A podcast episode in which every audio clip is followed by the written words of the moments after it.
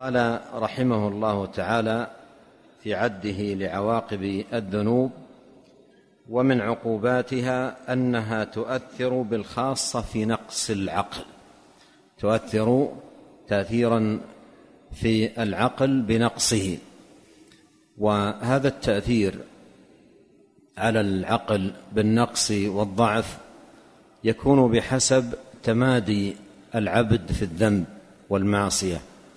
وتنوع وقوعه فيها. فإنه كلما ازدادت المعاصي كلما كان ذاك من أسباب ضعف عقله بل ربما تلف العقل وضياعه. لأن المعاصي لأن المعاصي إذا وقع فيها المرء ملأت فكره بسموم مهلكة. ومضرة. وكانت كما مر معنا في الحديث كل معصية تتسبب في نكتة سوداء على قلبه إلى أن يصل بازدياده من الذنوب إلى درجة الرانة التي هي تغطية على القلب. وإذا كان في ازدياد من الذنوب كان في ازدياد من نقص عقله وضعف فكره ورأيه وفهمه. وقد أشار ابن القيم رحمه الله تعالى أنك لا تجد عاقلين أحدهما مطيع لله والآخر عاص لله سبحانه وتعالى إلا والأول أوفر عقلا من الآخر إلا, أو إلا والأول أوفر عقلا من الآخر. بل هنا أيضا ملحظ مهم. جدا أن الأول الذي هو المطيع لله سبحانه وتعالى رب العالمين جل وعلا يسدده في في عقله وفهمه ونظره وتأمله في في في, في الأمور مثل ما جاء في الحديث القدسي آه، العظيم لا يزال عبدي يتقرب إلي بالنوافل حتى أحبه. فإذا أحببته كنت سمعه الذي يسمع به وبصره الذي يبصر به ويده التي يبطش بها ورجله التي يمشي عليها.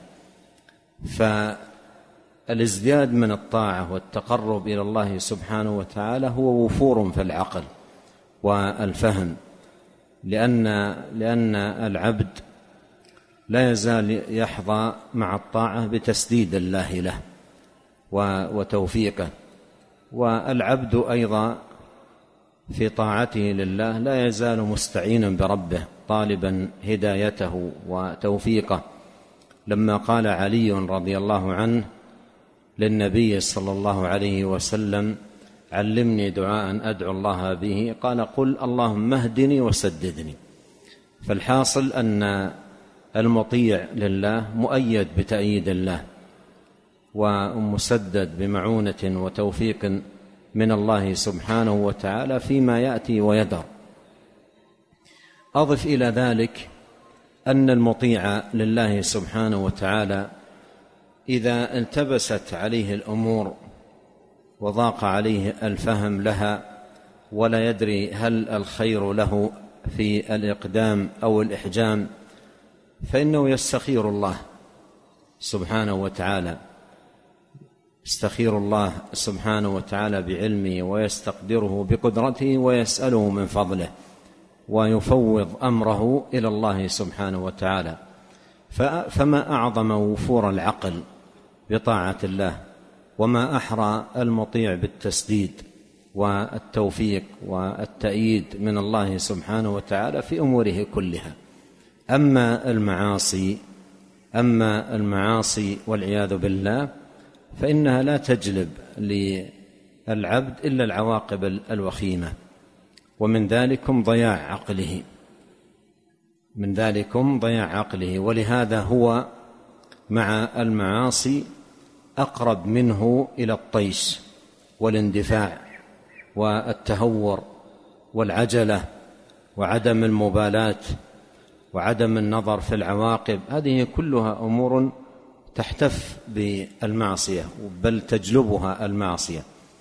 بخلاف الطاعة التي تولد عقلا واناتا ورفقا ونظرا في العواقب وتانيا في الأمور وسؤالا لله واستخارة له إلى غير ذلك من الآثار التي تجلبها الطاعات. ففرق بين المطيع لله سبحانه وتعالى والعاصي مثل ما قال ابن القيم فإن المطيع أوفر وأكمل وفكره أصح ورأيه أسد والصواب قرينه.